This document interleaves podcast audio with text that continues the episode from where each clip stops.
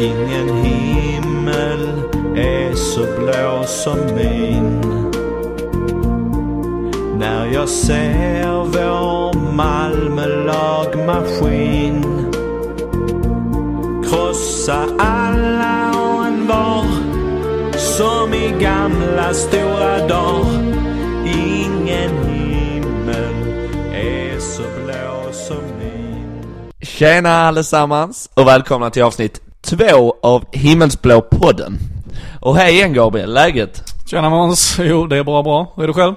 Härligt, jo det är bra här med. Det ska bli kul att höra vad Anton Tinnerholm har att säga, eller vad säger du? Ja, det ska bli mycket intressant att höra vad han har ja, säga om matchen mot PSG, landslagssamlingen, men även höra hans tankar om låten som vi har skrivit till honom. Ja, jag håller helt och hållet med.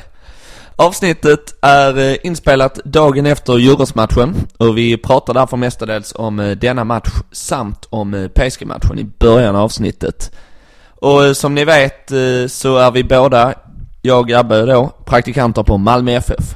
Ja, exakt. Och samtidigt måste vi ju passa på att tacka för all respons som vi har fått efter Sand-avsnittet. Ja, verkligen. Det var grymt. Och för er som missat det så skickar ni in era tankar och frågor till himmelsblapodden gmail.com. Och var hittar de avsnittet enklast då?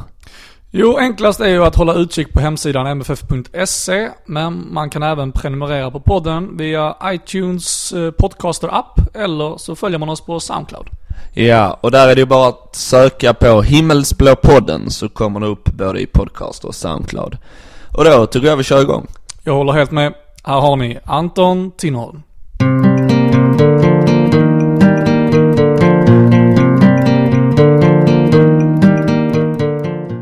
Så då börjar vi med att fråga hur, eh, hur det känns här efter PSG-matchen.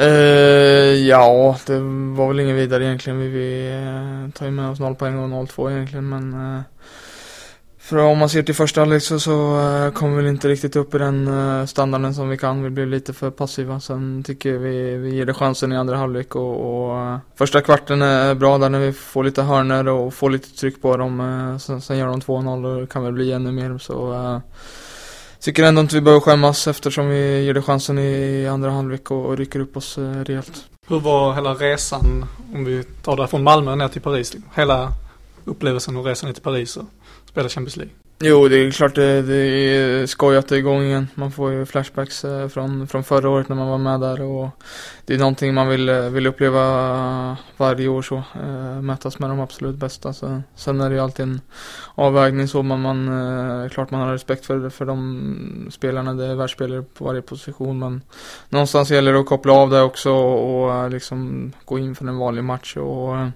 vi kanske blir lite för, för snälla så nu. Äh, gäller att kanske smälla på dem lite mer.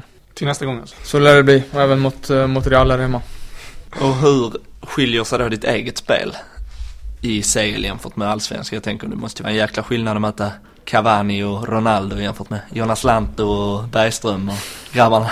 Jo, det är klart att det är skillnad absolut. Det blir mer defensivt inriktat. Eh, det är första, första prio även i, i allsvenskan absolut. Men, men eh, här blir det ju uh, stora stjärnor man, man möter hela tiden så det gäller att vara extra, extra vaksam så. Och, uh, man har väl lite mer tydliga restriktioner nu när man uh, går framåt och när man inte går framåt också då. Men det är alltid en avvägning där. samtidigt kan man inte bli för, för defensiv heller. Men det är klart att det, det är ett högre tempo här också och om man gör misstag så straffar de oss eh, hårdare. Det är, väl, det är väl främst det man märker i de här europeiska matcherna. Gör man något eh, misstag i uppspelsfas eller om, om man gör något fel så, så straffas man väldigt hårt. Man kan spela bort den när Lanto kommer där. ja, alltså det är inte bra det heller. Men, men, men, men de, de lagen vi möter i Champions är tydliga och mer eh, effektiva när, när de får lite mer ytor. Så är det. Får du specifika, alltså får ni spela specifika instruktioner av hur ni ska göra under match? Eller är det mer lagmässigt hur vi ska agera? Nej men det är väl både och.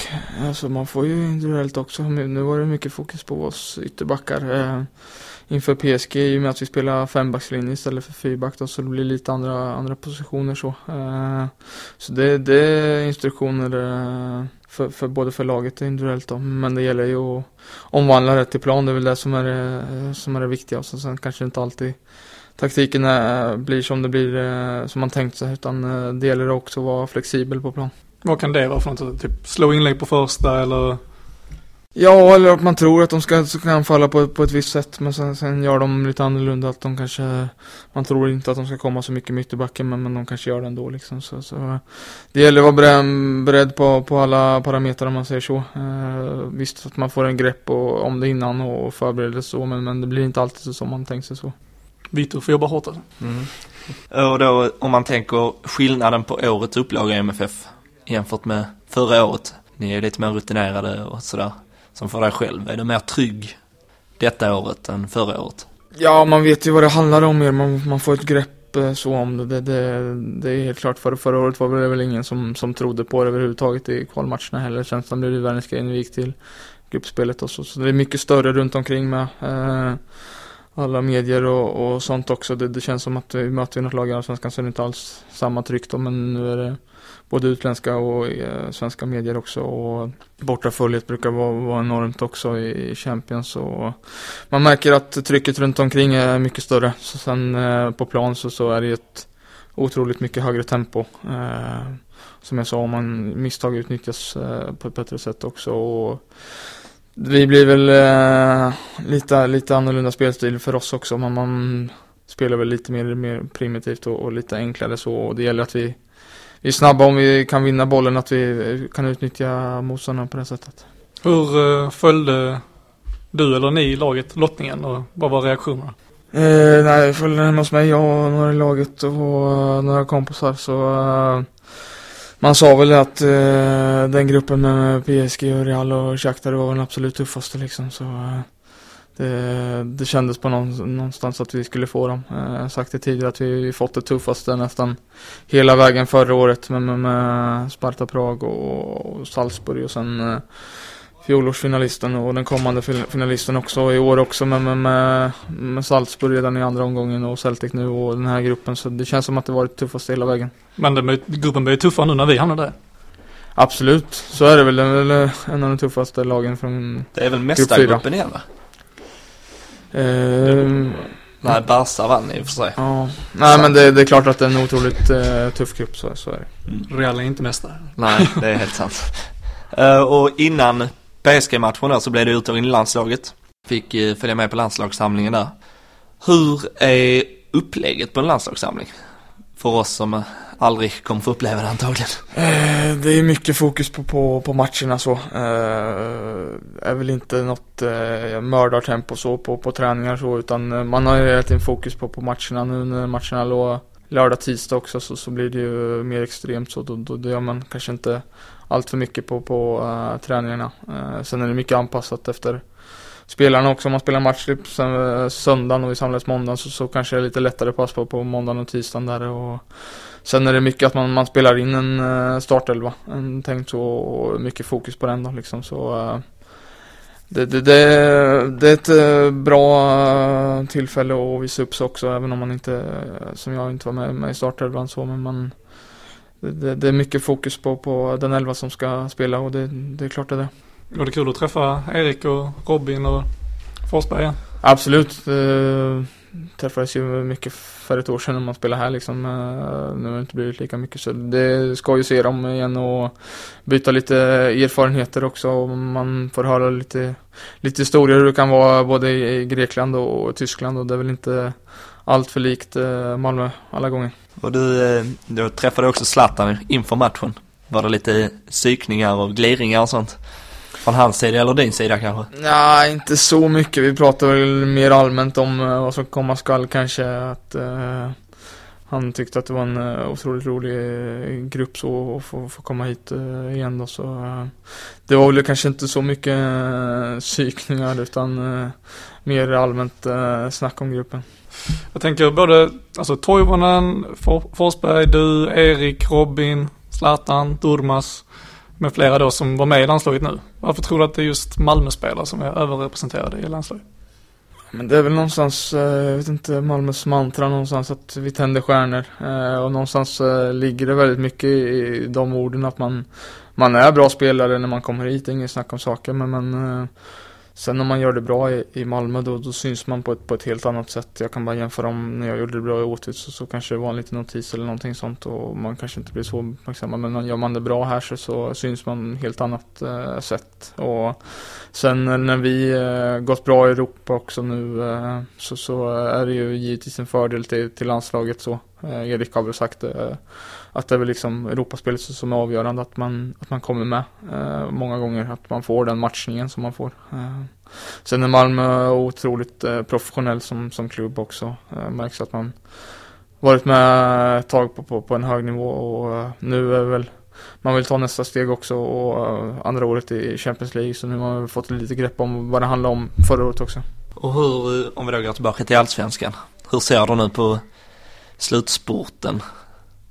Eh, vi har satt oss i ett väldigt eh, dåligt läge. Eh, gjorde vårt mot Djurgården i alla fall. Eh, men det krävs ju att, att de andra tappar också för att vi, vi eh, ska nå hela vägen då. Eh, men eh, det känns som vi lagt för mycket fokus på vad de andra gör hela tiden. Så om det inte de som kommer spela bort sig utan det är vi som måste, måste vinna eh, våra matcher. Sen får vi se hur, långt det räcker så. Eh, det är många som möter varandra där uppe också så, så allt kan hända men eh, vi har satt oss i en eh, dålig sits men, men vi ska försöka göra vårt att, eh, att vi ska försöka gå hela vägen. Och du har ju i och med Champions och liknande så har du spelat väldigt mycket matcher. Du har ju spelat de flesta av matcherna där Hur känns kroppen fysiskt? Det känns bra. Jag är väl en, en spelare som, som, som, springer ganska mycket och har en hyfsad kondition i alla fall. Och någonstans har man väl eh, nytta av den grundkonditionen man, man jobbat med i, i 20 år när man spelat fotboll nu också. Så eh, det känns bra uh, än så länge. Samtidigt så hade jag ett uppehåll när jag inte spelade med landslaget där och var avstängd i Allsvenskan också. Så det, det, det gäller att återhämta sig nu med, mellan matcherna. Nu är det väl match varannan dag. Nu är det lite, lite hockeyschema nästan eh, nästa två veckorna. Vi tänker vi kör eh, några snabba här nu då. Så eh, Malmö eller Brokind? eh, Malmö. SM-guld eller eh, gruppspelsvinst i Champions League? SM-guld. Favoritbok? Snabba Cash. Favorit-tv-serie? Bron. Och favoritsysselsättning på fritiden? Golfa.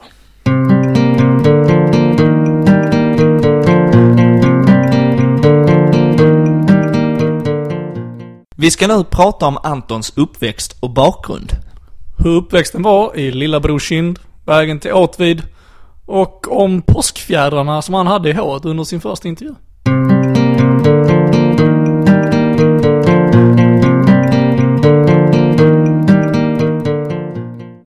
Så eh, kan du berätta lite om hur det är att växa upp i Lilla Brorkind? Det ligger då nära Linköping för de som inte mm, Bra uttal faktiskt, det är inte, inte alla som har det men uh... Uh, ja, Brorsin det är ett väldigt litet samhälle utanför uh, Linköping då, med, med runt 500 invånare. Uh, så det är lite så att alla, alla känner alla där och man vet exakt vem som bor i vilket hus liksom. Så det är väldigt speciellt. Uh, men, är det så? Ha, känner Hasse, känner Gunilla? Ja, exakt. Ja. Där bor Andersson, där bor, där bor Johansson liksom. så, men så, så är det verkligen. väldigt familjärt så. Uh, hade farsan som, som tränare från tidig ålder. Eh, och var väl inget snack om egentligen att jag ville börja spela fotboll. Hade Michael Owen som, som idol tidigt. Började spela som sagt i Brushind och på, på raster i, i, skolan. Då, då tog man med sig grusskor till, till skolan. Eh, morsan var så trött på att eh, vi eh, tog sönder de eh, normala skorna så, så de fick köpa ett par, par grusskor till, till mig och brorsan som fick ta på oss på till till rasterna i skolan. Eh, så det var väl liksom, man gick till skolan för att, för att spela fotboll på rasterna tror jag. Och, så det, det, var en bra uppväxt absolut. Eh, skötte väl också skolan rätt hyfsat faktiskt. Så, så eh, spelade väl i, i Brorsin tills jag var, tills jag började i högstadiet. det finns inget sånt i, Brorsin utan då, då, får man åka in till, till Linköping då. Och då började jag spela i, i en klubb som heter Östra, IK Östra Lambohov. Uh, spelade väl ett eller två år där. Uh, var väl ingen större eh, fotbollsspelare egentligen utan eh, spelade för att det var roligt och sen har jag alltid drömt om att bli fotbollsproffs då. Och hade väl någon gallring till, till Gothia Cup där. där jag inte ens kom med i första laget bland, bland, bland 30-40 spelare. Så, så jag var ingen större spelare egentligen. och sen, sen när det var gymnasieval då så valde jag Åtvidaberg, eh, fotbollsgymnasiet där och, och sen eh, var det väl där någonstans min, min eh, riktiga utveckling tog fart. Under tiden där då, hade du någonsin något sommarjobb eller jobbade du någonstans? Jag var ledare på, på en rad olika fotbollsskolor eh, nästan varje, varje sommar. Sen, sen när man spelade i Åtvid så, så eh, hade jag också jobb. Eh, fick man, de flesta jobbar ju där på, på sidan om. Eh, sen var jag även kontaktperson till, till två personer som, som hade lite olika sociala problem då, eh, och umgicks med dem och hjälpte till. Just under Linköping-tiden, var det då du bodde på elevhem? Nej, det var senare i uh, Åtvidaberg när jag flyttade Ah, dit. okej, ja. Hur, hur var det? Att flytta hemifrån så pass ja, hyfsat tidigt ändå? Ja, jag var ju 15 eh, år då, där, där jag flyttade hemifrån. Eh, Sen är det det är inte... tidigt. Ja, absolut. Sen var det inte otroligt långt eh, hemifrån. Det var väl fyra, fyra mil eh, kanske, men, men eh, ändå det är mycket. Jag vet inte riktigt om eh, alla som bodde där var väl inte riktigt mogna för att flytta hemifrån kanske heller. Eh, men just där så hade vi en, en extra mamma eh, som, som tog hand om väldigt mycket då. Eh, vi fick serverat eh, lite mat och, och eh, frukost hjälpte hon också till med. Så, så det var ändå ganska bra servering och de tar hand om oss på ett bra sätt. Men det är väl en eh, väldigt bra tid eh, man minns tillbaka till. Eh, man kommer väldigt nära varandra där också. Åter det är inte likt Brorsin att man känner alla som bor kanske. Men, men man, just på gymnasiet där så känner man alla och väldigt eh, goa gubbar. Det var väl inte alltid att man gick och la sig klockan tio heller. Var inte morsan till då än? Nej, hon var väl mer där på, på eh, morgonen så hon ser till så, så vi kom upp eh, och, och på, på eftermiddagen och lagade lite mat till oss. Okej. Och du var inne på det då, eh, när du var yngre då. Det sägs ju någonstans att du var målvakt i början av karriären. Nej, jag ville vara målvakt. Ville vara så var det. Jag hade ju Schmeichel som jag kollade mycket på också. Men, men farsan sa att jag behövdes ute så då fick jag spela där. Så Schmeichel och Owen och sen blev det högerback. alltså. Ja, eh, lite udda framgångsrecept kanske men eh, Det har funkat. Ja, jag, jag har alltid varit innermittfältare när jag spelat liksom i alla mina lag. eh, Både i Brosind och Österlenbov och, och eh, Åtvid också till en början. Eh, sen blev det att någon, någon ytterback i Åtvid där eh, blev skadad. Eh, och så hade de egentligen ingenting. Och så, så jag tror det var Thomson när vi hade honom där att eh, han sa att liksom, vi kan testa dig där nere. Eh, och eh, gick rätt eh, bra första matchen faktiskt. Eh, och sen, sen dess har det egentligen bara, bara rullat på. Har du provspelat för några andra klubbar eller Anton doesn't do auditions? Nej, lite så. Eh, nej, men det har väl inte varit så aktuellt egentligen. Det har väl inte varit någon som velat ha, men det är väl mer det. Vi har hittat en eh, intervju som du gjorde för, jag tror det var 24-korren eller något liknande. 2009 kan det ha varit en av dina första inspelade intervjuer. Och i den intervjun ser man då en eh, tonårsgram som sitter med gula påskfjädrar. I Kan det? Ja, Mm. i håret. Va, vad föranledde denna intervju? Eh, det var ett läger, mitt första läger med, med OFF. Eh, och då skulle man eh, i en del av inkilningen då gå runt med dem där till när man var på offentliga platser. Så när man käkade och ja, när man gjorde allt möjligt förutom träna i princip. Så då, då gjorde jag en intervju med dem. Eh, och de just på korren tycker om det är otroligt roligt med den här intervjun. Så de, varje gång jag ska spela i Champions League eller landslag så, så lägger de ju jämt upp den här intervjun. Så de tycker det är skitroligt. Det tycker vi också. Ja, Jag säger lite om hur lite det händer där snarare. den måste ni googla upp. Ja, verkligen. Men du tänkte inte på att ta av dem inför, Nej, det fick jag inte. Då skulle det bli eh, straff. vad skulle det bli kallas? Mm. Eh, jag tänker många pratar ju om hur familjen har stor betydelse när man är fotbollsspelare. Har du någon flickvän och Mm, jag har en sambo som eh, bor här också. Och, eh, ja, hon har betytt otroligt mycket också, absolut. Så, så är det. Jag har väl fått tag i mina rutiner på ett bättre sätt också. Hon är väl ganska kvällstrött av sig också. Vilket var jobbigt till en början kanske att lägga sig. Men, men just den delen har blivit jäkligt bra och vi, vi kommer väldigt bra överens också. Så det, det är inget att snacka om att hon har betytt otroligt mycket. Så sen är det alltid ett steg att flytta till en ny stad och uh, jag, jag kommer in i laget på, på, ett, uh, på ett lätt sätt i och med att fotbollen är ganska bra och man har sina kompisar här. Det är alltid svårare för eh, respektive att ehm, komma in i det utan, utan kompisar och så. Och när de väl skaffar det så, så är det många som, som drar till andra länder också i och med att de har respektive till andra spelare också. Så det har varit mycket svårare för henne men, men hon har tacklat det på ett eh, bra sätt också. Och eh, du var inne på det då när du kom till Malmö sommaren 2014. Skrev på, ersatte ju Albanos rakt av kan man säga. Hur kommer det sig att det blev Malmö? Eh, det hade väl funnits lite intresse från, från andra eh, klubbar eh, tidigare tidigare år då, men, men jag kände att jag ville vara kvar i Åtvid och att det var en bra utvecklingsklubb så. En bra klubb också, vi hade kommit åtta, tror jag, två år i rad. Så det var en bra klubb att utvecklas i och jag ville egentligen inte gå som, som bossman heller, även om det skulle kunna vara ett alternativ till slut så, men, men jag skrev på ett, ett år till och sen när jag hade ett halvår kvar så, så var det Malmö som, som uh, hörde av sig och då var det väl egentligen inget att, att snacka om utan uh, det var klubben som, som uh, hade vunnit uh, SM-guld året före och, och ledde serien med, med ja, 5-10 poäng också så, så jag fick en bra uppfattning när jag kom hit av, av Danne också så det var väl inget att, att tveka på egentligen. Hur var den omställningen att gå från Åtvidaberg till liksom guldrace med Malmö och Champions League-kval? Alltså jag, jag, tror inte jag tänkte så mycket egentligen och det är väl det som varit mitt framgångsrecept egentligen att, eh, att man kanske inte fattar riktigt eh, utan bara gick in och, och körde. Eh, sen är det givetvis mycket större press och, sånt runt omkring och det är kanske inte alla som som klarar av det, för det, det är en otrolig skillnad att spela i Åtvid jämfört med, med Malmö FF liksom. Så är det, det, det, det Sveriges mest framgångsrika eh, klubbar. Så, så det är klart att det, det, det är press på varje match. Men, men eh, någonstans får man lägga det åt sidan och, och försöka prestera så, så, bra man kan. Och, eh, jag kom in i det på, på ett bra sätt och fick, fick förtroende från, från Åge direkt. och sen, sen gick det ju rätt hyfsat i, i Europaspel också och i Allsvenskan. Så, så det, det, det flöt på bra. Det är bara att köra alltså? Ja men lite så. Eh, det gäller inte att tänka efter för mycket. Så, så, så är lite i Champions men man får inte tänka för mycket vilka man möter utan gå ut och köra och smäll på istället.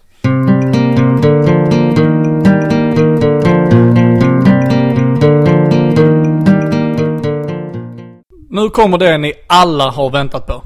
Det är dags för sång och quiz. Kan ni MFFs historia bättre än Anton?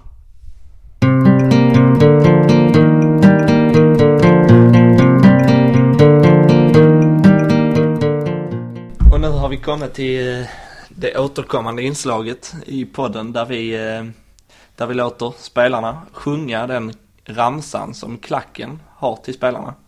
Men då du inte har någon riktigt återkommande ramsa så har vi fått skriva en till dig. Självklart. Såklart. Så vi har komponerat ihop en liten här med reservation för att det blir en stor hit. Så tänkte vi att vi sjunger den för dig och sen så hoppas vi att du kan få klacken och köra den sen då. Okej. Okay. Något sånt ja. Ja, något i den stilen. Ja, så då kör vi. Ja.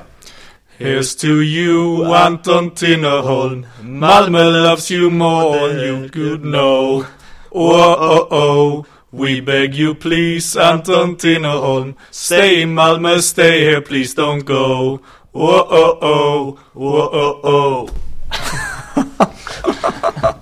Ja, fantastiskt. Det var jag inte beredd på Klacken kommer kunna köra den sen. Vi måste ju bli mer international nu när vi spelar i Champions. Ja, ja. Shoot. Eh, så om vi fortsätter lite där på fansen. Vad tycker du om fansen? Nej, de har ju varit fantastiska. Det, det är inget att säga om och eh, liksom det, det, är ingen hemlighet att det är de som ligger bakom många av eh, de, de hemmasegrar vi tagit i de här viktiga matcherna också. Eh, känns som de höjts också när det blir sådana här otroligt viktiga matcher och det kvittat nästan egentligen vilket uh, skitutgångsläge vi haft inför första matchen så byggs det upp en tro och det, det var väl det som var mest imponerande för mig att man, man eh, tar till alla medel så eh, och bygger upp en tro liksom. Jag kommer ihåg speciellt Prag och, och Salzburg förra året. Eh. Då var det väl någon, man utnyttjar sociala medier också liksom. Vi vet vi kan 2-0 till Malmö och sen Salzburg var det 1-0 liksom. Så, så man jobbar, det känns som man jobbar tillsammans på, på ett otroligt bra sätt och sen även bortastödet har ju varit, eh, varit enormt. Jag läste någonstans att vi hade det största bortaföljet i hela Europa senaste Champions League-omgången. Så, så det, det, känns verkligen som att det är en fotbollsstad och jag njuter att bo här när jag kommer från Linköping där man bara pratar hockey.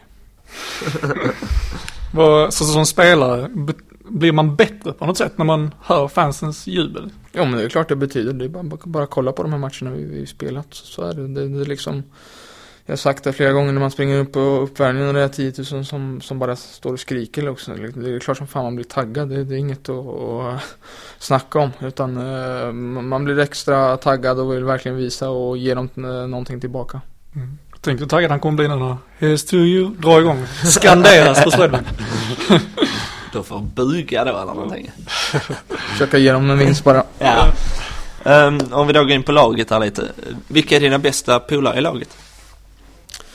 Uh, jag hänger mest uh, kanske med, med nya målvakten Fredrik Andersson och, och Zlatan hänger jag väl också med. Uh, en del och Kron. Så det, det är väl det är väl olika. Vi brukar luncha ett gäng också efter träningarna och spelat lite golf med Kari och Fredrik också. Så det är väl, det är väl lite olika.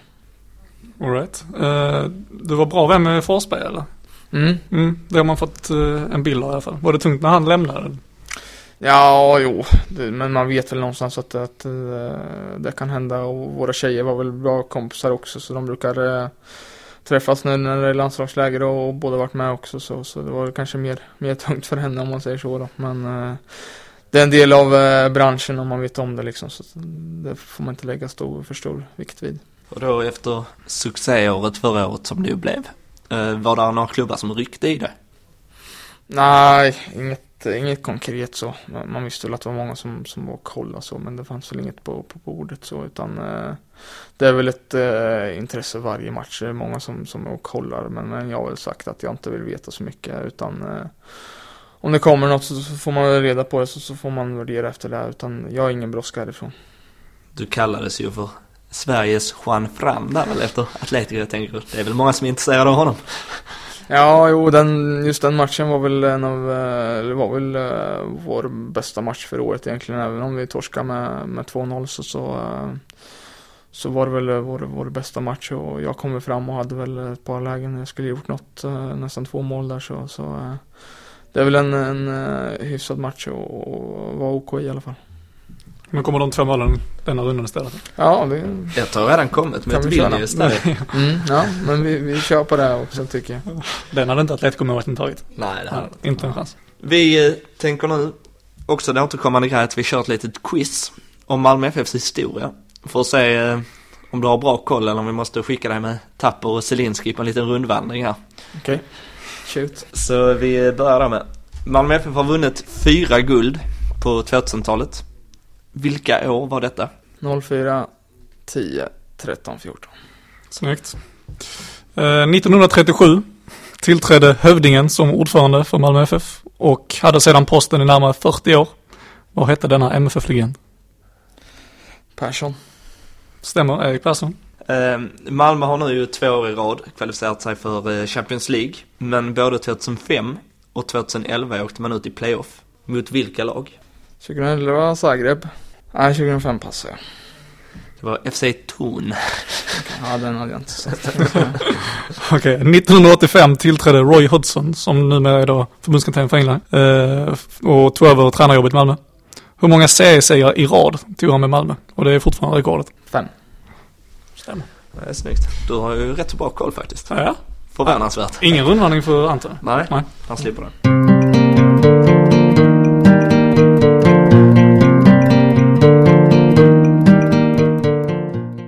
Nu får vi förklarat flera udda situationer som Anton hamnat i under åren. Ja, och vi får också svar på Sannas fråga från förra avsnittet.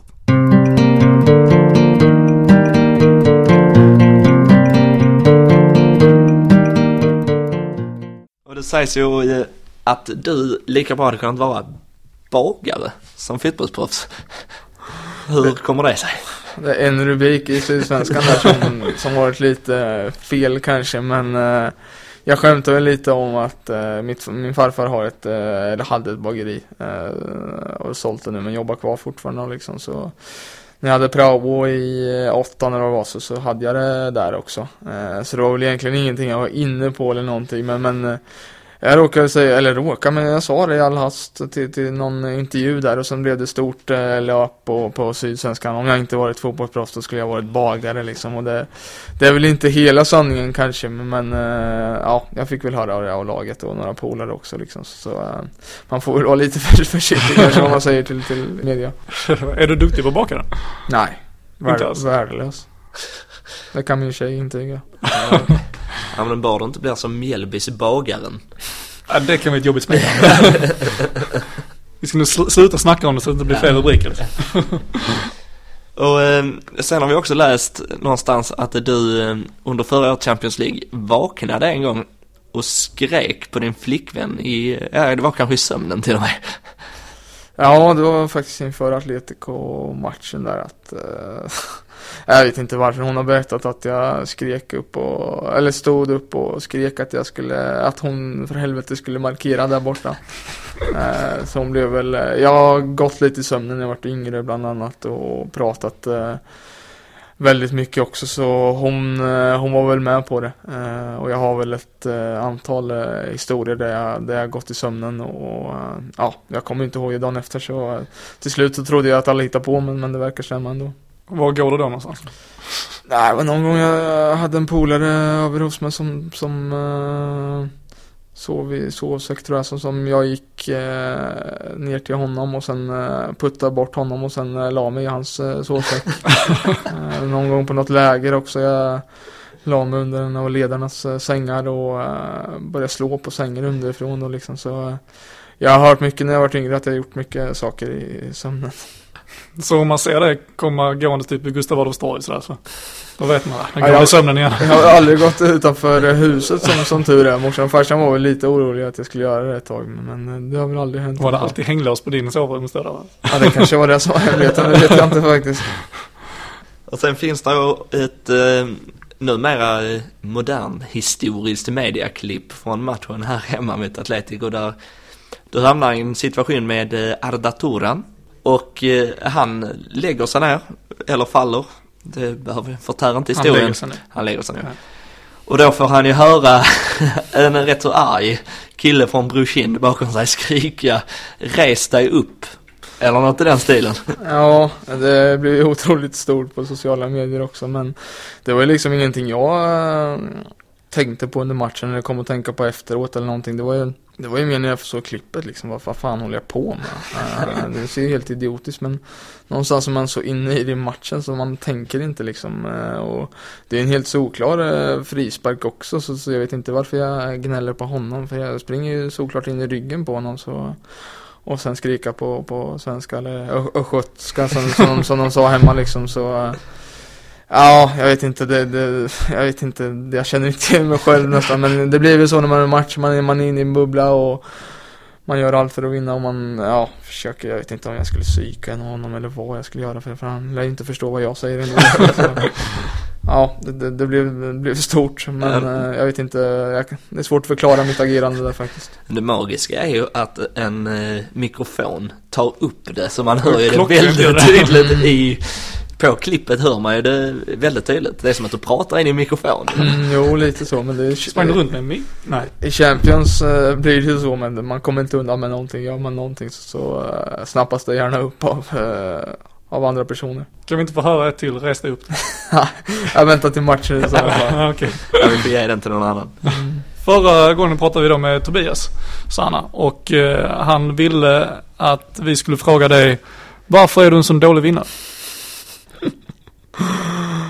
Ja, han förvarnade mig faktiskt om att han hade sagt det. Men eh, jag vidbehåller väl inte det hans eh, åsikt där riktigt. Utan eh, jag eh, firar när jag vinner. Eh, men eh, det är en gräns mellan att vara en dålig vinnare och en, en bra vinnare kanske. Det, det, på träning så, så brukar man eh, när vi kör fyra mot fyra eller kör eh, smålagsspel så firar jag alltid när vi vinner. Så är det. Jag, jag, liksom, det jag gillar att vinna så. Och, det är ofta man kanske eh, säger att man ska ta lagfoto och så, så ber man eh, Tobbe som är förlorande laget komma och vara fotograf då eller så, så får de vara någonting annat. Eh, och, men, men jag gör det kanske mer för att liksom, för att fira oss att vi, eh, att vi eh, vann. Mer än springa fram till någon och liksom säga att fan vad dålig du är och så liksom. Så det är väl en, en kanske en hårfin gräns på hur man är en dålig vinnare och en bra vinnare kanske. Men, men jag vidhåller att man måste, måste fira eller göra någonting när man, när man vunnit. Det kvittar, kvittar vad det Det kan vara på träning och det kan vara på match också. Du borde ju be han fota med sin egen mobil så han har de bilderna samlade sen. ja, var någon gång vi gick till någon uh, fotograf där som var på träningen och, och jag tror jag fotade oss också. Sen skulle vi skriva ut det och sätta upp på förlorarnas skåp. Men det har väl inte gått så långt i alla fall. Jag tänker, du borde ju ha någon riktigt bra målgest då också som förnedrar motståndarna på ett bra vis. Nej, men jag, är så, jag gör ju aldrig mål, så jag har ingen målgest. Det såg ni väl mot uh, Vilnius Jag visste inte vad jag skulle göra, så jag bara vevade med armarna, sen sprang jag upp i Mackans famn. Så jag får göra lite mer mål helt enkelt. För jag, jag ja, du måste ju ha någon sån skön, typ den Jamie Bullard körde när han satte ner alla runt sig. Den borde du köra. Ja, men då måste du ha en historia bakom liksom. Det kanske jag inte har riktigt, men... men uh... Du får be Sanna ta en lagbild på dig. Ja, Som ja, men den, den är ute. Den är lite bra faktiskt. Det, det kanske är någonting. Eller så låtsas du gå i sömnen. att du bara går och blunda. Som firande. Ja, jo. Det, hur många fattar den? Problemet är att jag ska göra mål först. Då är det bara frugan sitter och skrattar. Eh, vi har även fått in eh, lite lyssnarfrågor till det. Oskar som undrar, vad är bästa tipset för att lyckas som fotbollsspelare?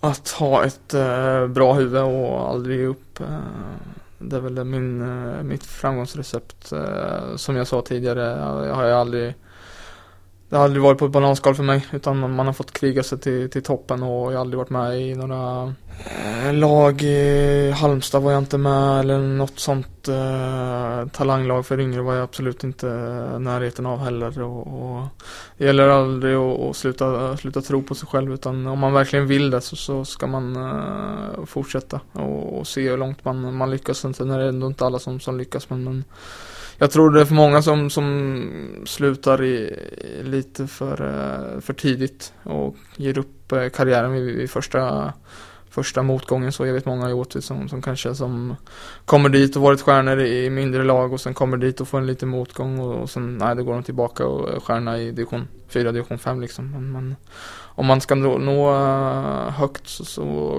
kommer det komma motgångar. Eh, det kommer det göra nästan varje år. Så, så eh, det gäller att, att tackla dem på ett, på ett bra sätt.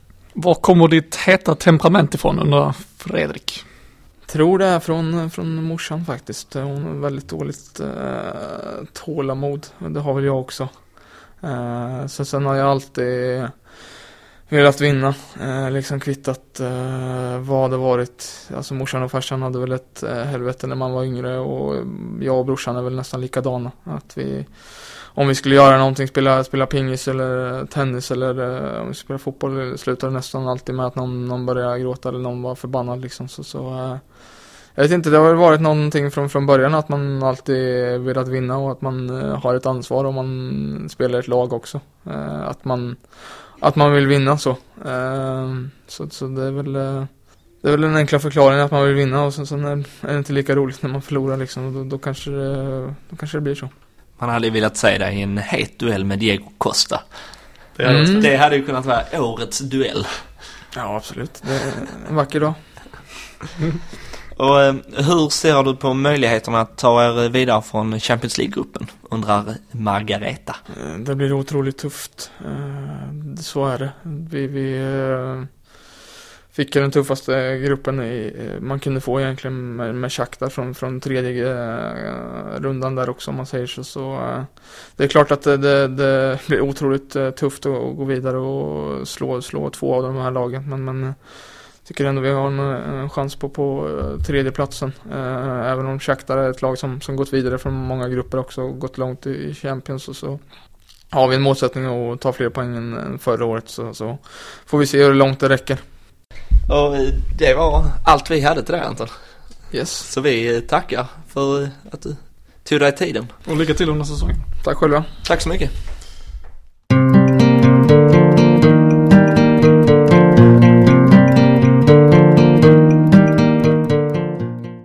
Vi tackar än en gång Anton för pratstunden och till alla lyssnare säger vi Tack för visat intresse.